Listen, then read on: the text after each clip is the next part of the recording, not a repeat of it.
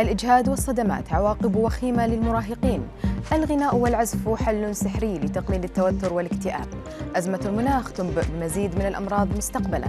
أبرز أخبار الساعة الأربع والعشرين الماضية في دقيقتين على العربية بودكاست.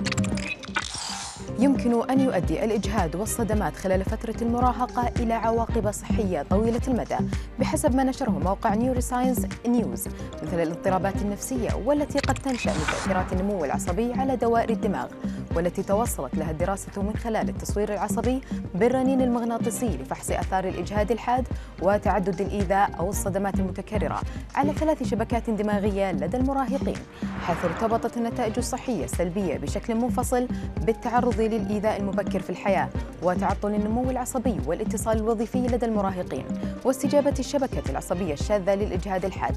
لم يسبق أن قامت أي دراسة سابقة بفحص كيفية ارتباط هذه العوامل ببعضها البعض.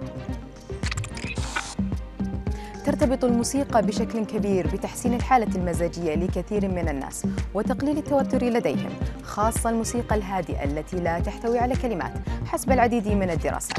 وبعد إجراء تحليل ل 26 دراسة تبين أن الغناء والعزف على آلة موسيقية أو حتى الاستماع إلى الموسيقى يمكن أن يحسن الصحة العقلية والصحة النفسية بما يعادل ممارسة الرياضة.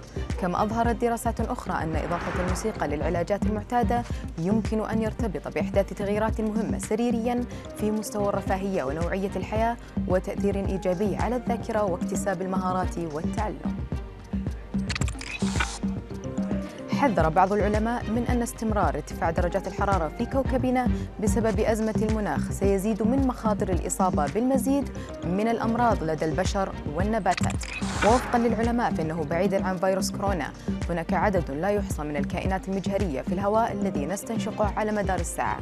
وكشفت دراسة قادها باحثون من سنغافورة والبرازيل وألمانيا أنه مع استمرار ارتفاع درجات الحرارة بسبب الاحتباس الحراري ستتكاثر عوامل ظهور الأمراض في جميع أنحاء العالم مما قد يهدد صحتنا وطعامنا.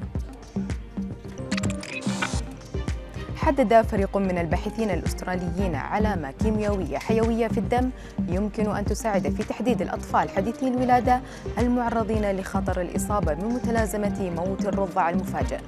في دراسة في مجلة The Lancet eBioMedicine وجد الباحثون أن الأطفال الذين توفوا بسبب متلازمة موت الرضع المفاجئ لديهم مستويات قليلة من إنزيم يسمى بوتيريل كولين استراز بعد الولادة بوقت قصير. يلعب هذا الإنزيم دورا رئيسيا في مسار اليقظة في الدماغ. ومن شأن المستويات المنخفضة منه أن تقلل من قدرة الرضيع النائم على الاستيقاظ أو الاستجابة لبيئته.